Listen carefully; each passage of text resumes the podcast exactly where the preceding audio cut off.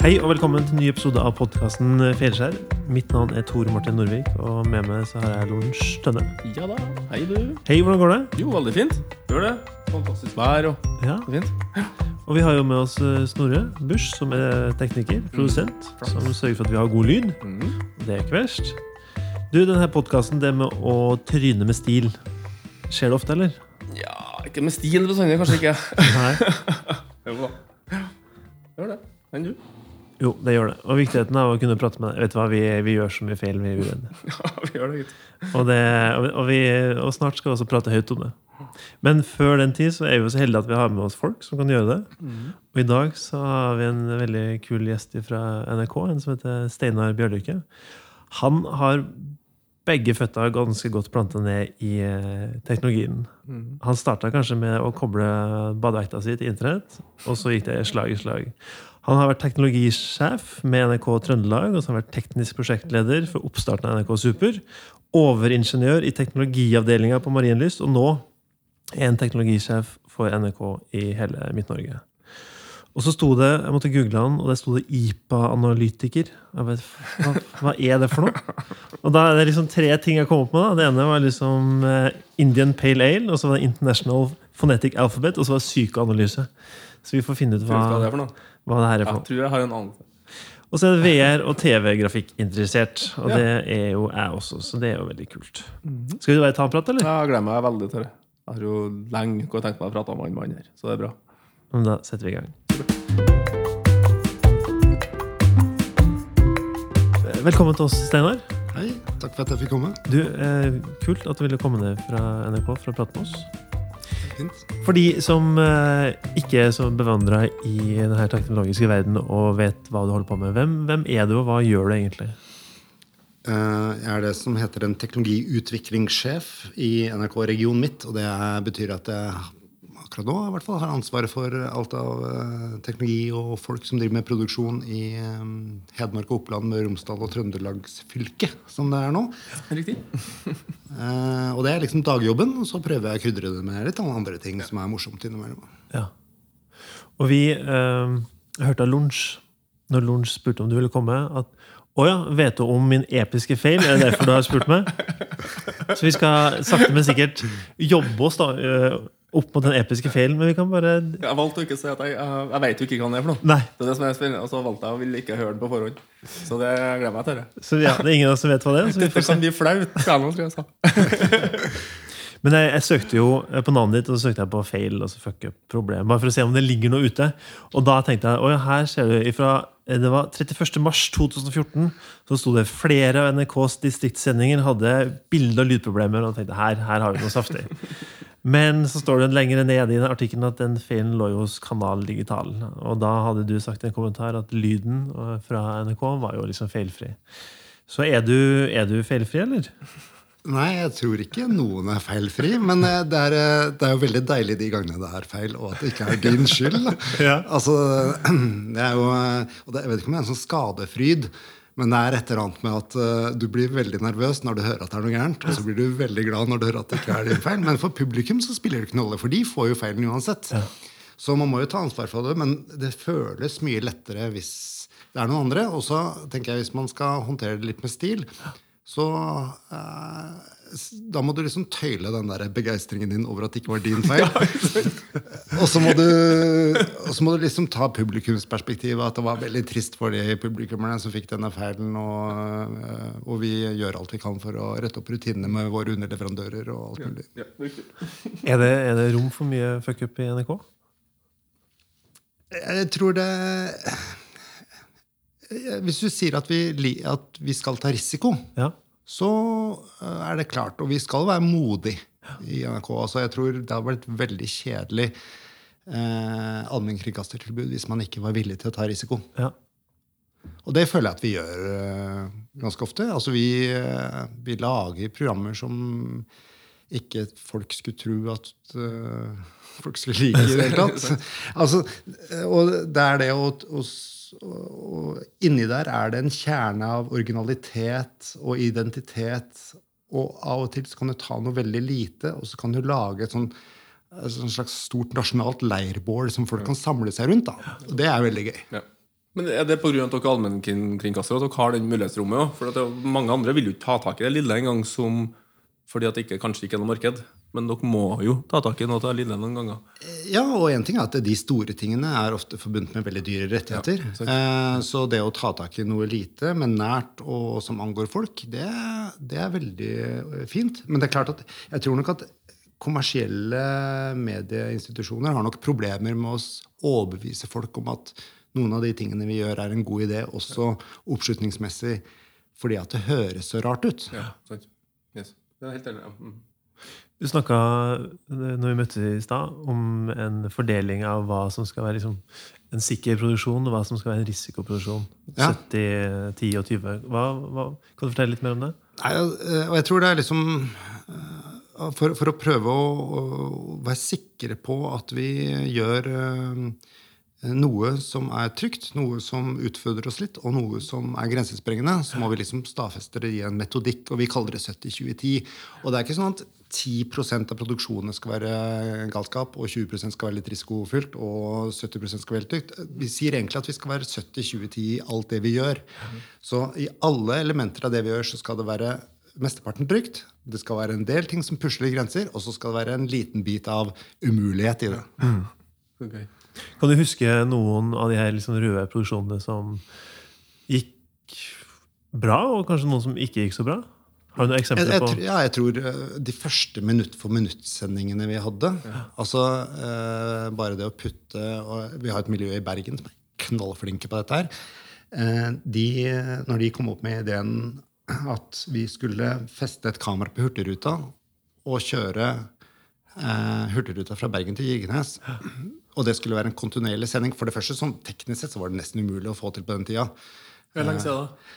Hva kan det ha vært, da? Kan det ha vært sånn 2012-2013? Ja, altså, og, og det å få det til den gangen det var en sånn logistikk, Og husk på det er en ganske lang kyst vi har. Og du skal sende hele veien, og du skal få det til. Og det var ikke bare bare det greiene her. Eller det var umulig egentlig helt inntil liksom én teknisk ting falt på plass. Og da tenkte jeg her er det noe.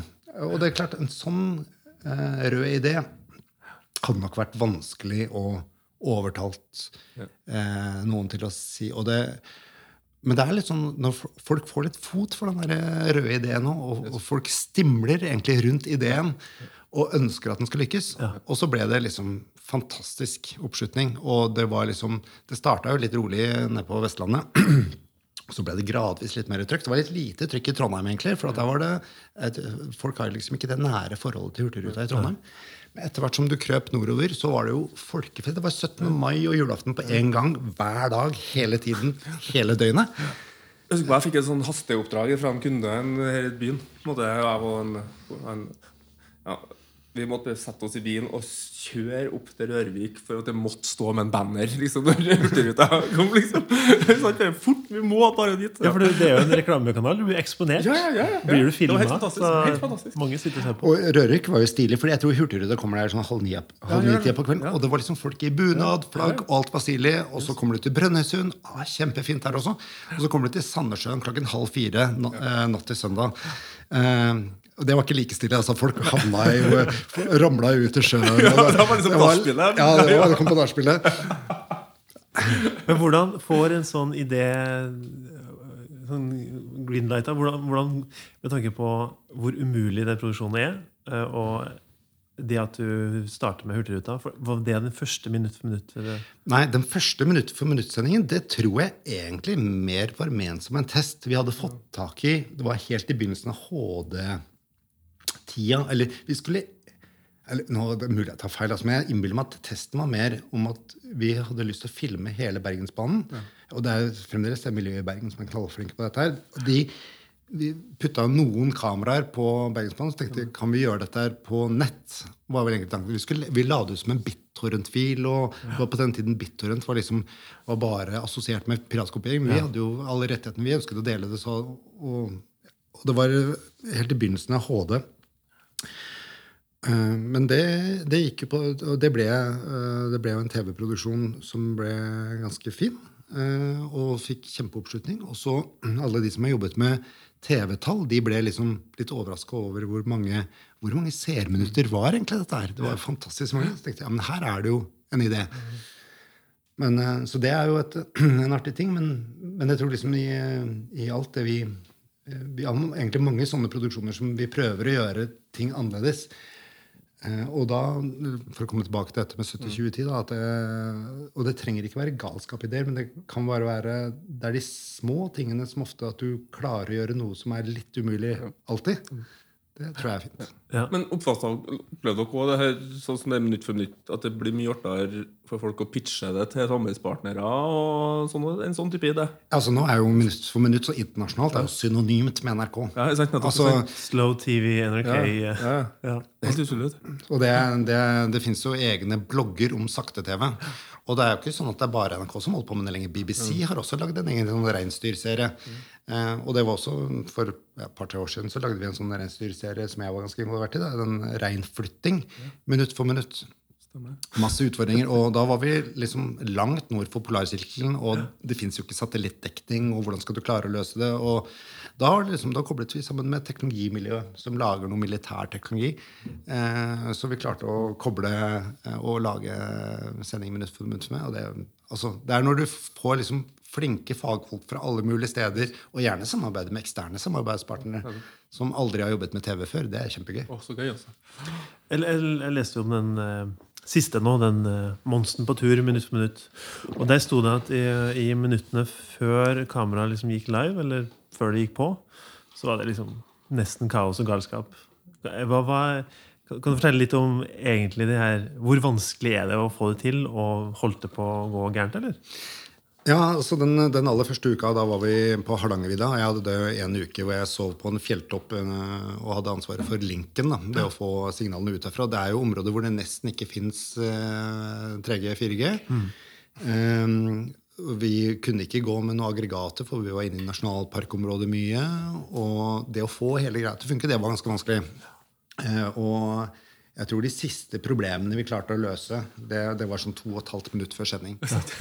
Eh, og vi hadde, det var ikke sånn at vi ikke hadde testa ting, men det var, eh, du er på et annet sted, og det er mye variabler, og, og det blåser kanskje, og det er mye rart. Men den Monsen jeg var jo først, Uke én var vi i Hardangervidda, og så var vi hadde uke to, da hadde jeg fri, men uke tre da var vi i Vesterålen. Og hvis du skal snakke liksom opplevelse av norsk natur, og alt mulig sånt, det klokka vi inn på alt. Og været oppe i Vesterålen, det var 30 grader. Vi bada jo hver dag. Det var jo helt nydelig. Eh, og fantastisk norgesreklame. Fantastisk eh, reklame for landsdelen. Og, eller egentlig alle landsdeler var i. Indre Troms var også veldig fint. Så. Så flott. Så det var egentlig motsatt av eh, fuck up, da. Det var egentlig en stor suksess. Ja, egentlig det var, Men det var, mye, det var mye som gikk galt, men det er ikke sikkert at publikum får med seg alt. Nei. Så det er klart at eh, vi tenker jo på plan B hele tiden. Ja, for dere rig- C. rigger dere ganske greit? At dere har noen backup-løsninger? eh. Ja, det er sjelden vi stoler på at bare én ting skal bære oss gjennom. Ja. Det som regel så gjør vi noen, noen vurderinger. Du eh, sa jo også det at eh, du hadde kobla badevekta di til eh, internett. Det er, og grunnen til at jeg sier det, er for at jeg fant jo en, en film av det. Sikkert fem-seks år gammel, hvor du måte, hadde et smarthus. Du hadde en bil som du kunne lukke opp via telefonen din. Og du hadde på en måte kobla huset til, så du kunne overvåke og få ganske mye data ut av det. Hvor, hvor er du nå i forhold til det med å, den her åpenheten og det å dele data og det å ha et smarthus? Er du, er du fortsatt like interessert i den type teknologi? Nei, jeg har ikke giddet å koble opp noe. Jeg har akkurat flytta på Lade i Trondheim. Eh, jeg har ikke giddet. Jo, badevekta er fremdeles på internett. Da. kan jeg følge med litt på vekta. Ja. Eh, og være en sånn stadig påminner om at jeg må begrense det ene og det andre. Nei, så, så det Og helst øke litt treningen, da. Men eh, også Jeg vil si at på den tida her altså jeg har aldri vært bilinteressert. eh, Men så kom det jo en eh, det her var liksom, I dag er det vanlig at du kan låse opp bilen din, eller at du har en slags app til bilen din. da. Det her, var jo, det her fantes jo ikke. Det kom én bil som hadde det. Jeg skulle egentlig bare kjøpe meg en billig bruktbil. eh, så, men så så jeg at det kom eh, en sånn bil en gang som hadde en app-integrasjon. Jeg tenkte det må jeg ha. Så, så da Jeg appen, da. så jeg kjøpte egentlig en app med bil. Ehm, Så jeg var jo veldig interessert i det, og så syns jeg at det var det personverngreiene var ganske interessant i det. Og så har jeg på en måte valgt å ofre mitt eget personvern i forhold til å utforske området. Så jeg hadde jo en sånn ekstrem sånn åpenhet rundt alt det, og det syns jo den gangen når vi hadde et vitenskapsprogram som het Skrødingers katt, syntes det var interessant. Newton har jo syntes at det var artig å leke med meg om sånne ting. Eh, så det har blitt litt sånn TV-programmer av det òg. Og i dag er det jo mange som lager mye kulere løsninger. Og folk er jo så flinke til å finne på ting. Eh, Men det er interessant at folk bruker teknologi for å gjøre livene sine mer effektive, sikrere, bedre mer hens... Altså, jeg syns det er morsomt at, folk, at teknologi har blitt så tilgjengelig for folk at folk kan ta det i bruk i livene sine. Ja. ja, for du er en sånn teknologioptimist. Ja, det vil jeg jo si. Ja. I går så tror jeg siste sesong av Black Mirror, ser du det? På Jeg har sett litt. Å, det er så fint. Ja, jeg vet det. Det er jo, det er jo i forhold til eh, dystopi og teknologi, da, så er det jo kjempegøy. Det er jo veldig unikt at noen Det er jo ulike regissører på ulike episoder. Og, og jeg er litt sånn nerd på det. Så jeg, jeg prøver jo å se én episode av hver, ja. i hvert fall. Nå rekker jo ikke tida til, eh, til å se alt, men eh, Du skal jo trene. ja, det blir da. Har du noen gang satsa på feil teknologi? Har du, fordi du er jo teknologisjef, så du må jo på en måte være Du skal jo være først ute og teste litt. Og da, det er jo en risiko der også. Du må jo kanskje hive deg på en bølge som plutselig stopper. Ja, og så er det sånn Jeg visste jo at du skulle snakke om det, her, så jeg, jeg, jeg har jo tenkt litt på det. det jeg har aldri liksom ment at, at 3D-TV det kommer til å bli eh, det nye, liksom. Um, så sånn sett eh, Og, og så kan du si eh, altså hvis, Og jeg har vært sånn, jeg har vært sånn DAB-optimist. Jeg, jeg syns at DAB er fint eh, av forskjellige årsaker. Um, men jeg vil jo ikke si at det er bedre enn streaming. Men DAB er i hvert fall bedre enn FM. Eh, Så, og jeg har et sånn teknologisk uh, synspunkt i det. At uh, altså, eh, for den samme mengden energi som du bruker på å sende ut én FM-strøm, så kan du sende ut 20 eh, DAB-strømmer.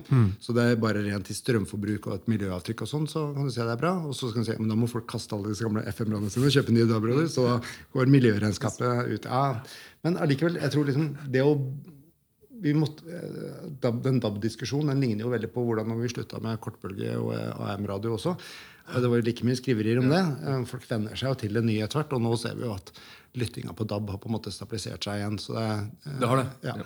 Så jeg, jeg tenker jo at det er en eh, eh, Og så tror jeg ikke at eh, vi, har, vi er jo ikke ferdig eh, når vi er ferdig med Når vi har liksom kommet over til DAB. Vi er jo ikke ferdig. Det, det er jo en utvikling som går hele tiden. Eh, så man kan eh, Har man tatt ordentlig ordentlig feil noen gang? Ja, man har jo sikkert det. Jeg har sikkert fortrengt det. ja, sant? Ja, men det handler jo om å være altså, Ha det her 10 eller 20 30, altså, 20 og at den kan være litt risiko noen ganger. Og da vet den jo, har den jo metodikken på det. er jo at den vet at den skal hente seg inn. Hvis at den tester noen grenser. Men eh, ja. Jeg syns det er ganske utrolig hva dere har gjort med NRK Super. Jeg husker ikke hva det programmet heter, da. Men det, det er for Verdens beste kanal. Ja, det er det. Vi ser fryktelig mye på det. Men det er, den går ikke nå lenger. Men det er en kar, og så er han i et digitalt univers.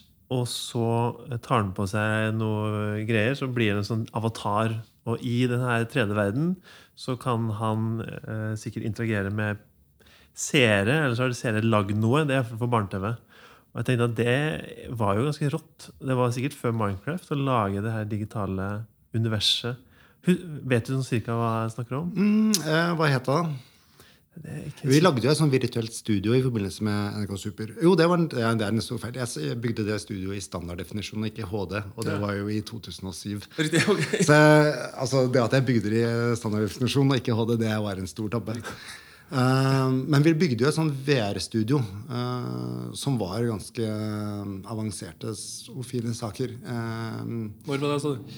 det var I 2006 og 2007 eh, bygde vi det. Lenge siden. Det er lenge siden. Og, da, og, det var en, eh, og eh, inngangen til det var at eh, vi mente at det tok for lang tid å rigge opp og ned kulisser. Ja. Så for å få høy produksjon, og barneproduksjon er relativt rimelig også, Men for å få økonomi da, så tenkte jeg ok, men kan vi bare ha virtuelle kulisser? så at du kan gå fra ett program til et annet på ti sekunder. Ja. Eh, og at et produksjonscrew kan, kjøre, kan lage tre programmer om dagen eller to programmer om dagen. Det var liksom den økonomiske mekanismen. Så det var inngangen eh, til det at vi ville liksom kaste oss inn i et univers hvor alt var virtuelt. Det var jo vel så mye økonomisk motivert som det var eh, på en måte Hvordan gikk det? Jeg tror det gikk fint. Ja. Uh, Var NRK Super på en måte en slags lekeplass hvor dere kunne utforske ting i? Ja, Fantorangen ble jo introdusert i et sånt univers. eh, Ble den- det? Ja, jeg lurer på det. Og, så, det var, eh, så det var flere av de karakterene vi hadde som eh, eh, Men det er jo et eller annet med at etter hvert, så når tida går, så det du syns så jæklig bra ut en gang, Ja. når, når du ser på det i ettertid, det ser jo ikke fantastisk ut nå lenger. Jeg må bare spørre, Den hunden til Tore Strømøy, var det en fuck Vet du hva, den eh, Jeg må bare spørre! Jeg kan ikke Altså eh, Der og da så er det sikkert helt utrolig. Eh, Det er en, en, en 3D-bikkje som kommer, på en måte som han skal ha samspillet med. Ja. Jeg tror det var liksom at han skulle ha en sporhund. da At det var sånn det begynte. Uh, nå, det var jo før jeg begynte på å jobbe med Tore på sporet. Men, uh, men uh, det var um, eh, det, det så jo sikkert fantastisk ut den gangen. Ingen skjønte hvordan man fikk det til. liksom Nei. Yes. Okay. Men det er jo morsomt da, at man prøver. Og lager en, en 3D-karakter som du kan prate med. I, I ettertid så ser det jo Det, det er jo, ser jo det, Ting ser jo rart ut? For 3D kan liksom eldes veldig raskt hvis det, hvis det ikke liksom designmessig holder helt stand. Det er litt som med musikk òg. Noe musikk eh, tåler jo tida, mens annen musikk eh, gjør det jo ikke. Ja. Og så hørte vi at um, den IPA som ikke står for fonetiske alfabetet, og det står heller ikke for sykeanalyse, men det står jo for øl. Eller Indian Pale Ale. Hva er, hva er liksom din historie med ølbrygging? Åh, nei Hvordan skal man begynne, da? Eh, jeg tenker jo at uh, uh, Ja, for du er en ølentusiast? Ja, og så begynte jeg å brygge øl uh, sammen med noen kompiser. Og, så, og så oppdaget jeg hvor sosialt det var. Altså etter å ha hatt eh, liksom, eh, Det her var jo seks-syv år siden, og da hadde jeg gått gjennom en periode hvor jeg hadde hatt eh, små barn, en, og det tar jo mye tid. Og så etter hvert så begynner ungene å klare seg litt sjøl, og så er det sånn Ja, men da, da kan du begynne å se andre venner igjen. da. Og, og det å brygge øl, da er det sånn, hvor ofte er det du får muligheten til å stå i seks-syv timer med kompiser og prate? Og gjøre noe annet fornuftig? Nei, det, så det, det ølbrygging, det var gøy. Og så eskalerte det litt. for Jeg tror liksom kjennetegn er kanskje at eh, hvis jeg først begynner med noe, så baller det litt på seg. Så jeg har liksom engasjert meg i sånn tre-fire bryggelag. Ja, så også, Nå brygger jeg vel kanskje mest med broren min. Så Vi har et eh, lite bryggeri som heter Sura Bror Bryggeri. Så vi brygger litt sammen. Og så, men jeg har jo brygget eh, litt for litt sånn kommersielle aktører òg. Så ute på Klostergården på Tautra i Trondheimsfjorden der er det et eh, bryggeri hvor Jørn Andersen holder til. Eh, og et år så og vi, vi er en gjeng da, som, fra jobben egentlig, som uh, har det vi kaller for skitpratseminaret der ute. Det er der den Frode og Børge og Ja, ja. guttene er mest. De prater mye om den turen der, ja. De turene der. Mhm. Og det var et år uh, hvor Jørn måtte melde forfall. Men da hadde vi holdt på så mange år at han, Jørn mente det var greit at vi, eh, vi brygga uten at han var med og passa på oss. Ja, for Jørn er han fra Klostergården? Ja. ja. Den voksne ansvarlige? Ja, Han er den voksne ansvarlige. Og så. Han måtte på en ølmesse i Tyskland. Og så hadde vi da Vi hadde jo liksom litt alene hjemmefest eh, mens vi brygga øl. Og det var ikke liksom små mengder, det var 1400 liter. Så, så brygge Forden, liksom, Ja. som han skulle ut i markedet med? Ja, Han skulle selge det ølet. ikke sant? Aha, så det var ikke bare det var riktig. Så det var ikke bare akkurat riktig. -hmm. Så, og, så, og så brygga vi jo det ølet, og da eh, Og så kan det være at vi vi spiste litt mye av kakedeigen mens vi holdt på. Eh, altså, og vi glemte jo tida litt. Så, så det mesket jo for lenge, det der ølet, og det kokte for lenge, og ingen aner eh, når humla ble tilsatt, eller noe som helst. Eh, og så, men vi klarte nå å gjære dette her da, og putte på gjæring, og så dro vi jo kom vi tilbake etter sommeren, og så var det ølfestival eh, i Trondheim. Eh, og så tenkte jeg liksom, nei, men nå må jeg stikke bort til Jørn. da. Det her var jo siste dagen i ølfestivalen. Tenkte jeg skulle stige bort og gjøre og Beklage at vi har ødelagt 1400, øl, eh, 1400 liter øl for ham. For det er jo ganske mye penger, det. Det er ganske mye ja, penger. han er jo ikke noe kjempe Han er jo ikke noe stor aktør, han er jo bare superflink eh, på en måte, og små opplag, for å kalle det det. Så det Så jeg sa jo da og beklager så mye, men, eh, men det tok litt av. Og, og beklager at vi ødela 1400 liter øl. Ja, men Steinar, det går helt fint. Du skjønner at vi vant publikumsprisen med det ølet. vi. og det er ulempen at ingen vet hvordan vi egentlig lagde det, så du kan aldri gjenskape det ølet igjen. Så det var alle som husker på, som drakk ølet der den tida der. Så gøy. Så fint. Og det var en fin fuckup. Det passer så bra med det vi sier, at eh, det blir jo ikke noen innovasjon uten fuckup. Men da må du rett og slett gjøre samme oppskrift neste år. da Bare møtes, drikke og så håpe på det beste. Det er så mye bra som er laga i fylla, altså. Så fint. Men hvor, hvor skal vi videre?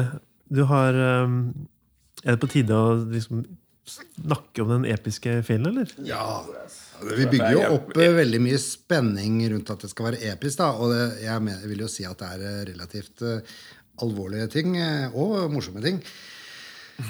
Um, men nei, altså i En av de jobbene jeg hadde med meg når jeg flytta til Midt-Norge fra Oslo, var å være ansvarlig for kamerakjøp. Så jeg satt jo på et sånt kamerabudsjett i NRK hvor jeg kjøpte kameraer. Eh, og det var liksom en av de tingene jeg, følte at jeg hadde ganske god kompetanse på. Og så er det gøy, for jeg er glad i teknologi. Og så, ja, så jeg brukte jo mye, mye eh, tid eh, på å holde dette ved like. Og dette var noe jeg gjorde i tillegg til liksom dagjobben min. Da. Og så i 2011 så sendte vi jo et program som het Ikke gjør dette hjemme. Ja, stemmer. Og der hadde vi brukt et sånt der high speed-kamera. Det var sånn industrielt high speed-kamera. Det var ikke noe egnet egentlig for produksjonen, men det klarte liksom å fange ting i veldig, veldig veldig sakte. Altså du vet hva slow Sånn motion er? og- Ja. Det Var det som Phantom-kamera, eller? ja. Ja. Eller Nei, det, det ble jo det, da. ja. Så, for dette var før Phantom. Eh, Så vi hadde et sånt industrikamera som var utrolig krøkkete å jobbe med. Men ratingen, altså allerede på den tiden, så begynte jo liksom folk å strømme ting. ikke sant? Og så så vi at eh, Jeg tror det var eh, jeg tror til og med at Ikke gjør det hjemme i 2011-sesongen hadde flere mannlige seere under 40 enn hva Skavlan hadde på den tida. Ja. Ja. Og Skavlan Nå er det jo ikke så mange som husker det lenger, men, men det var et veldig stort program. Ja. eh, med, med veldig høy oppslutning. Men menn under 40 hadde sluttet å begynne å se på lineær-TV. egentlig. Og, så var det, og da istedenfor å si skal ikke vi da gå ikke-lineær, så tenkte vi ok, men da må, hva kan vi gjøre for å liksom holde liv i dette eh, lineærmediet? da? Det er jo klart de, de tente jo på ting, og de sprengte jo ting, og de rev jo ned ting. Det er jo alt som er gøy å se på. Yes. Det var helt fantastisk. Det var det. Og så var jeg på en sånn kamerakjøpsmesse. Og så hadde jeg dette i minne, for at jeg syns jo arbeidsflyten rundt dette industrikameraet var litt sånn krøkkete. Så, og det krevde mye tid. Det var dyrt å betjene. Kameraet i seg selv var ikke så dyrt. Eller det var sikkert det òg, men det leide vi jo, da. Eh, og så, så var det jo dette Phantom-kameraet som du refererte til, som er liksom eh, det- er liksom the holy grail av sånne eh, slow motion-kameraer. Det blir introdusert, og det blir liksom litt sånn stille introdusert. Så jeg så at det var én fyr som hadde fått låne det med på hotellrommet eh, under denne messa her, og filma seg sjøl mens han hoppa i senga. Ja. Utrolig artig video. Og så, så så det jo supert ut. Det tok jo 2500 bilder i sekundet. Ja. Eh, I 2K, altså den tiden, veldig høy kvalitet.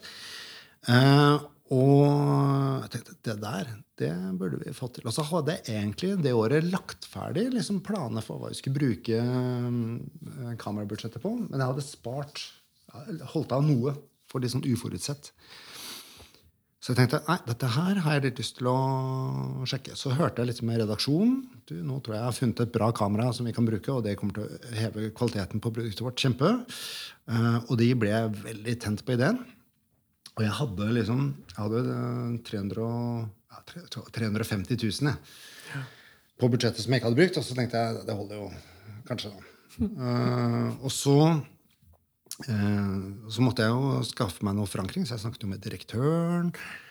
Og kringkastingssjefen på den tiden var involvert. Og syntes ja, men det her var en riktig satsing. ja. Så jeg hadde liksom direktørbacking på dette. her. Og så var det jo ingen som solgte dette kameraet i Norge. Så derfor så, derfor så uh, måtte jeg jo få overtale en, en forhandler til å, til å ta det inn. Ja, selvfølgelig. Så jeg spurte en forhandler da om jeg kunne ta det inn. Også.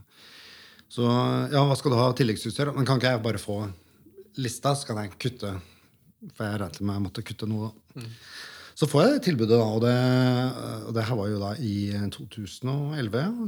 Og det her var nøyaktig to uker etter den der kameramessa. Så da, ting skjer dødsfort. ikke sant? Og så ser jeg ut Med alt tilleggsutstyret så blir jeg 350 000, og jeg bare Yes! Endelig. Eh, da ordner det seg. Da, var det bare, da ringer jeg liksom eh, leverandøren. Bare, ja, putter i bestilling. Eh, snakker jeg med direktørene, godkjent bestilling. Og snakket med redaksjonen. Og det var high fives i redaksjonen. og Alt, det var så jæklig bra stemning. Da. Og dealen ble gjort, og hele pakka.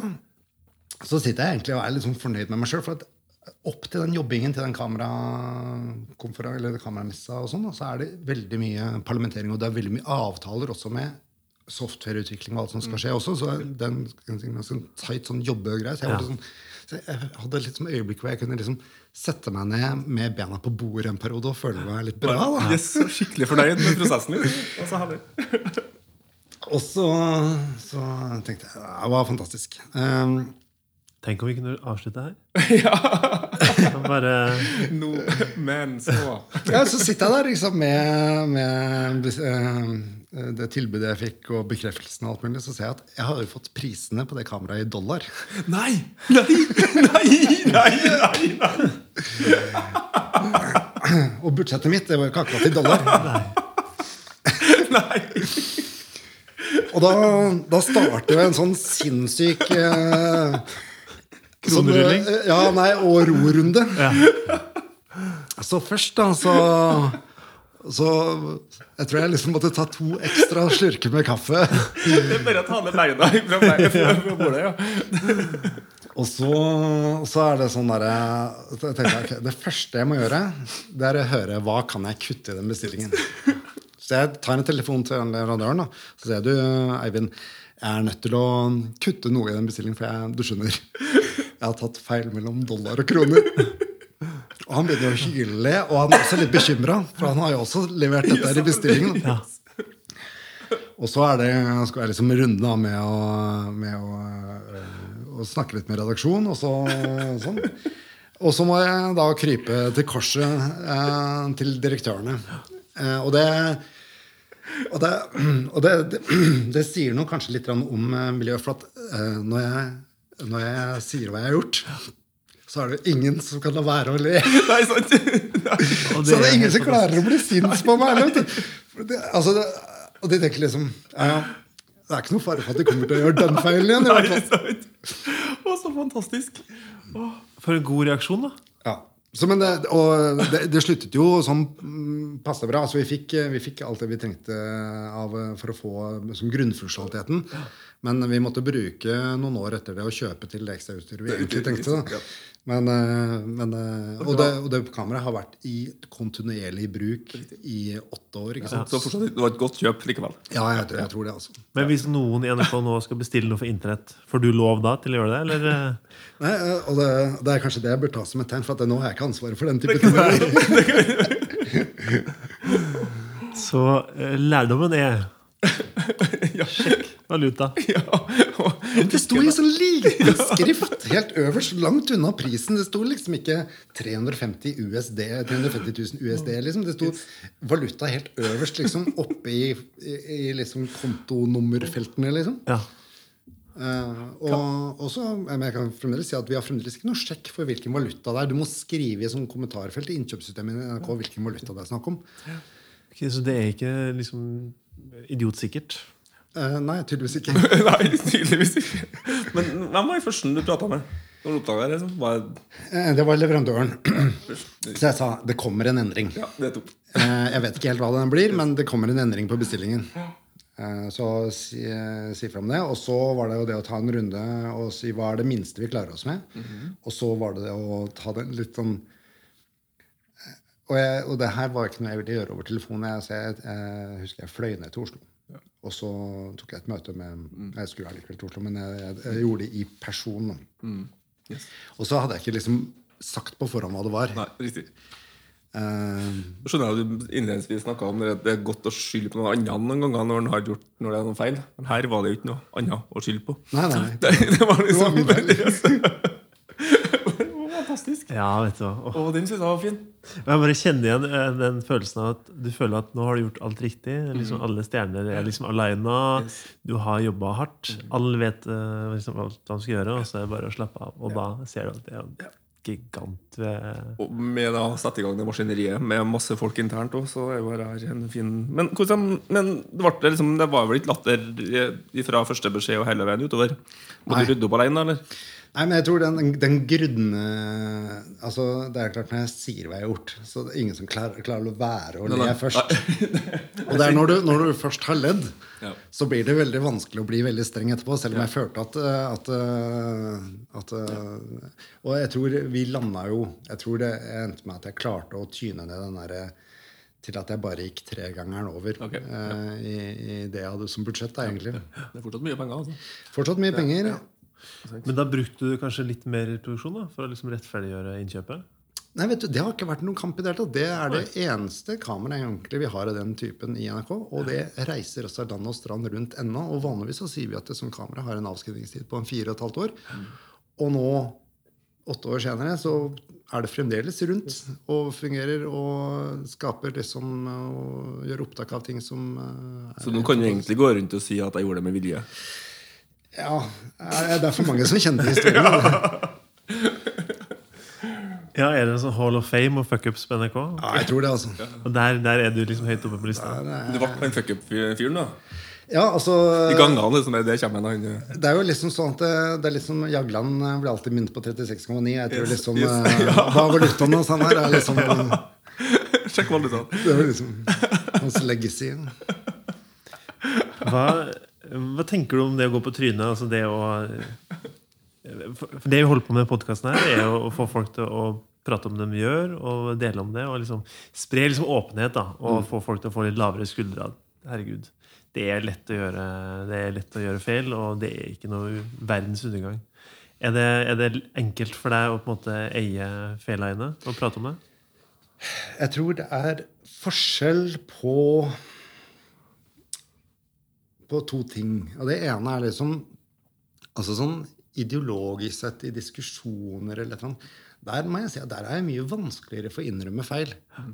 Men sånn i, innafor teknologien og ting som vi gjør på jobben og sånn, altså Jeg blir jo aldri gladere om noen klarer å motbevise meg eller tro at antakelsen er feil. Så jeg tror ikke jeg har noe så stor prestisje i å ha rett på jobben. Nei. Og det tror jeg er viktig. Ja.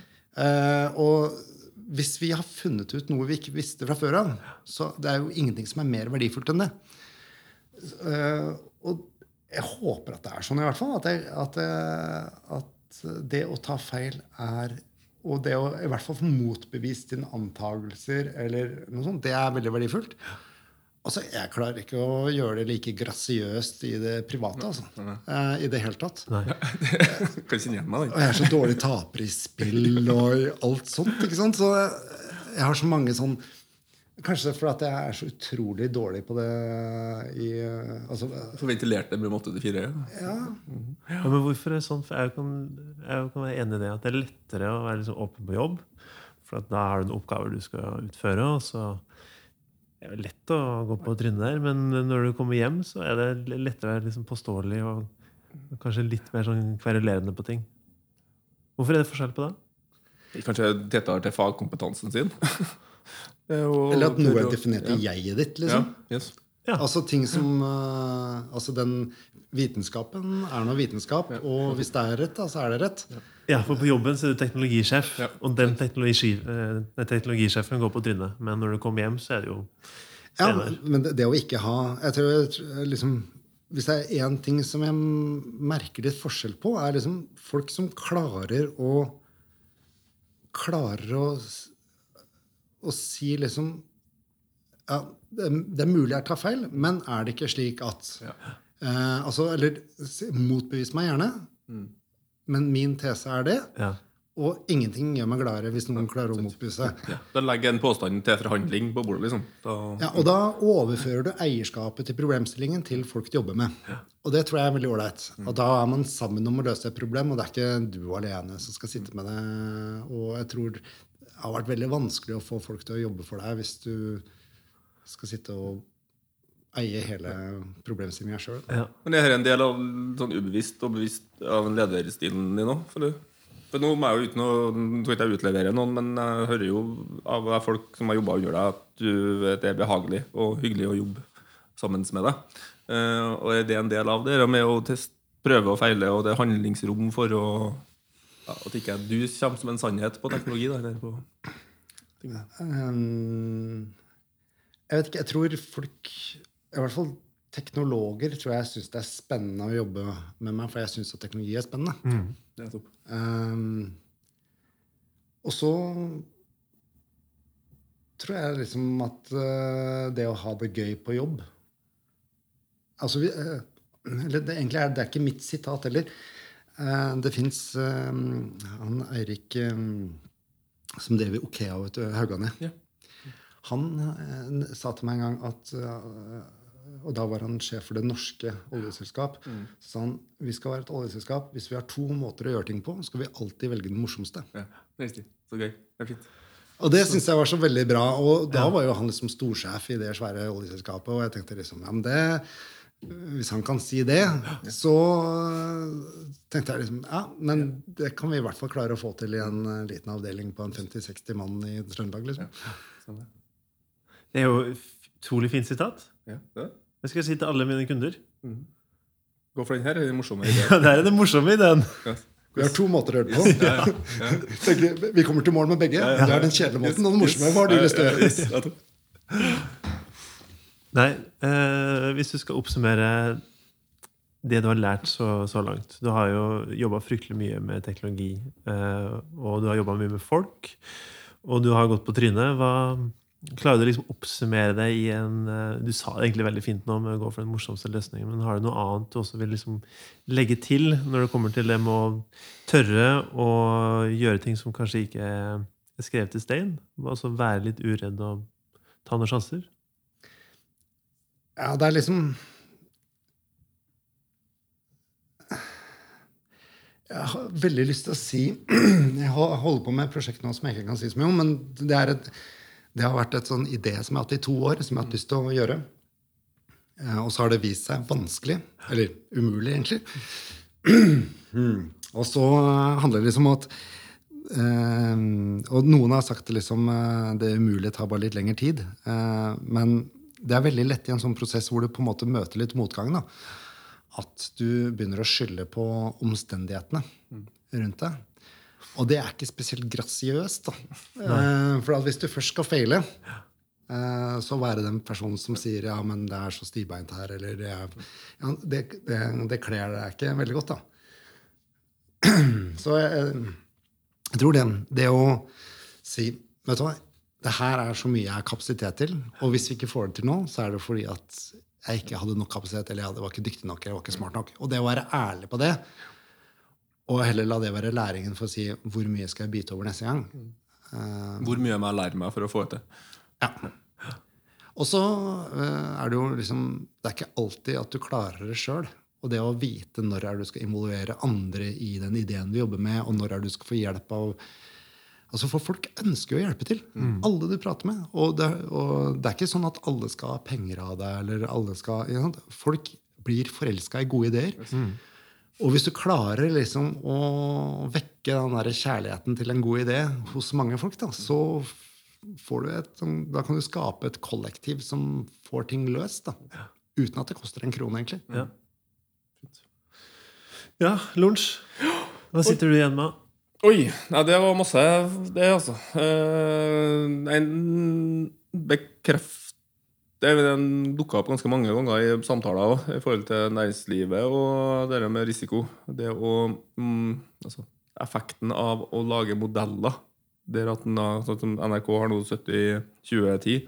At det, altså, det å modellere sånne på idearbeid og på prosjekter, Det ser du jo et eksempel på at det faktisk er lurt å gjøre det.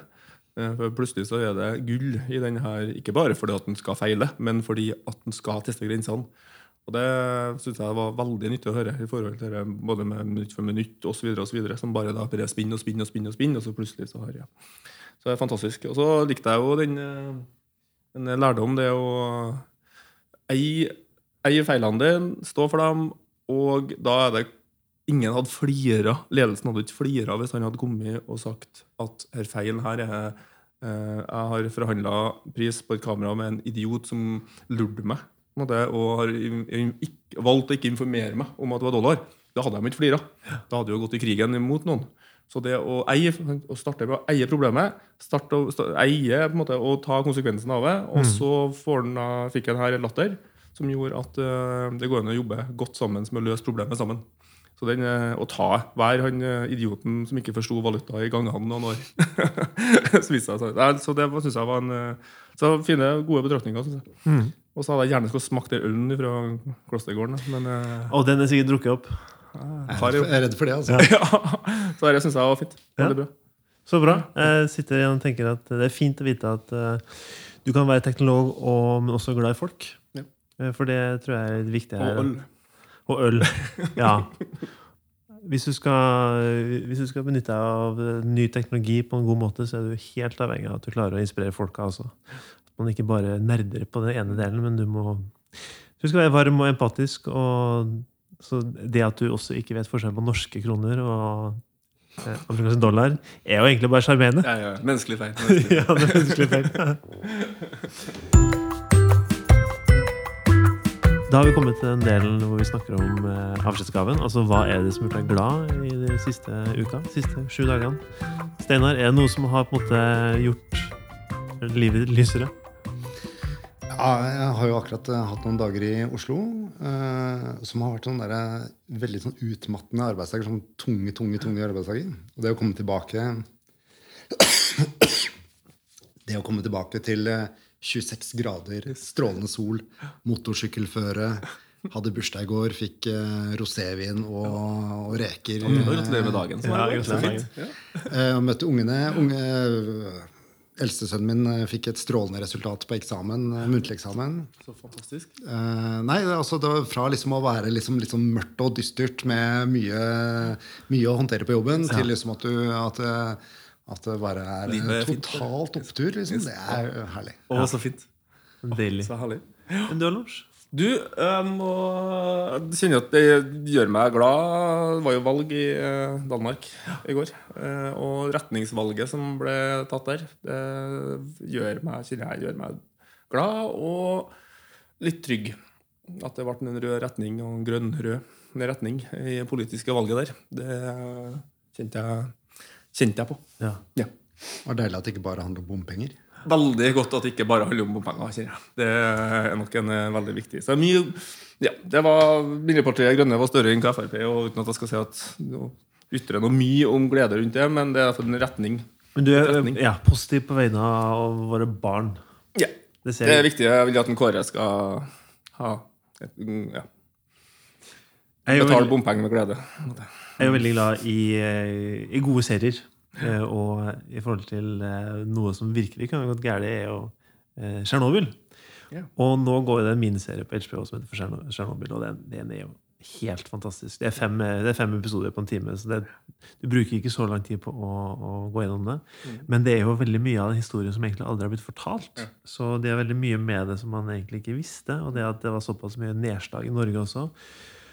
Det er jo helt, det er jo helt vilt, egentlig, hvor ille det kunne ha gått. Uh, Og det gikk jo faktisk ganske ille også. Og du får uh, Bare hvordan den blir fortalt i den serien, er, er veldig, veldig, veldig bra. Så selv om historien i seg selv er ufattelig tragisk, så er historien og måten den er fortalt på, er kjempespennende og kjempebra. Så det er absolutt verdt en uh, Så hvis livet er for bra, for lyst, så er det verdt å ta en titt på den serien der. Den er, den er kjempefin.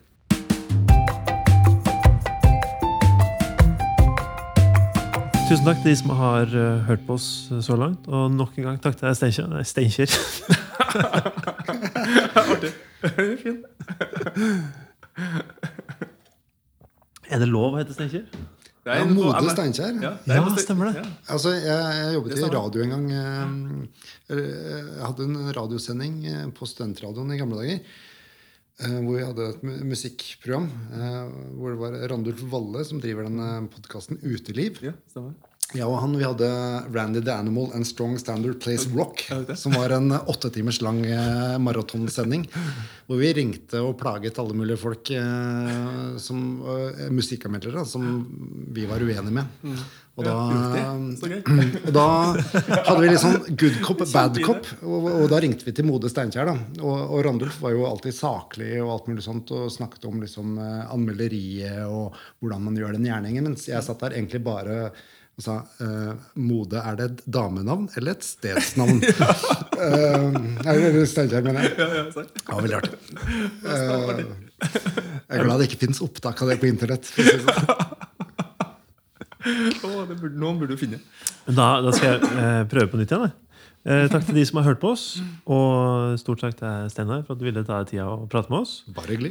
Hvis noen skal følge deg på nett, hvor- kan man gå for å liksom finne ut eh, Nei, Jeg har, eh, har, jeg har jo tvitret mer før, men det hender at jeg prøver å være morsom på uh, Twitter-handelen eh, Fem Teinar. Altså, da blir jo nesten Steinar. Ja.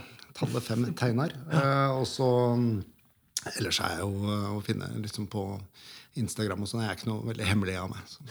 Dere leier ut kamerautstyr på NRK? Ja, ikke så mye til eh, private, men eh, Mest til andre altså produksjonsbyrå? Eller? Ja, altså samproduksjon og sånn med NRK.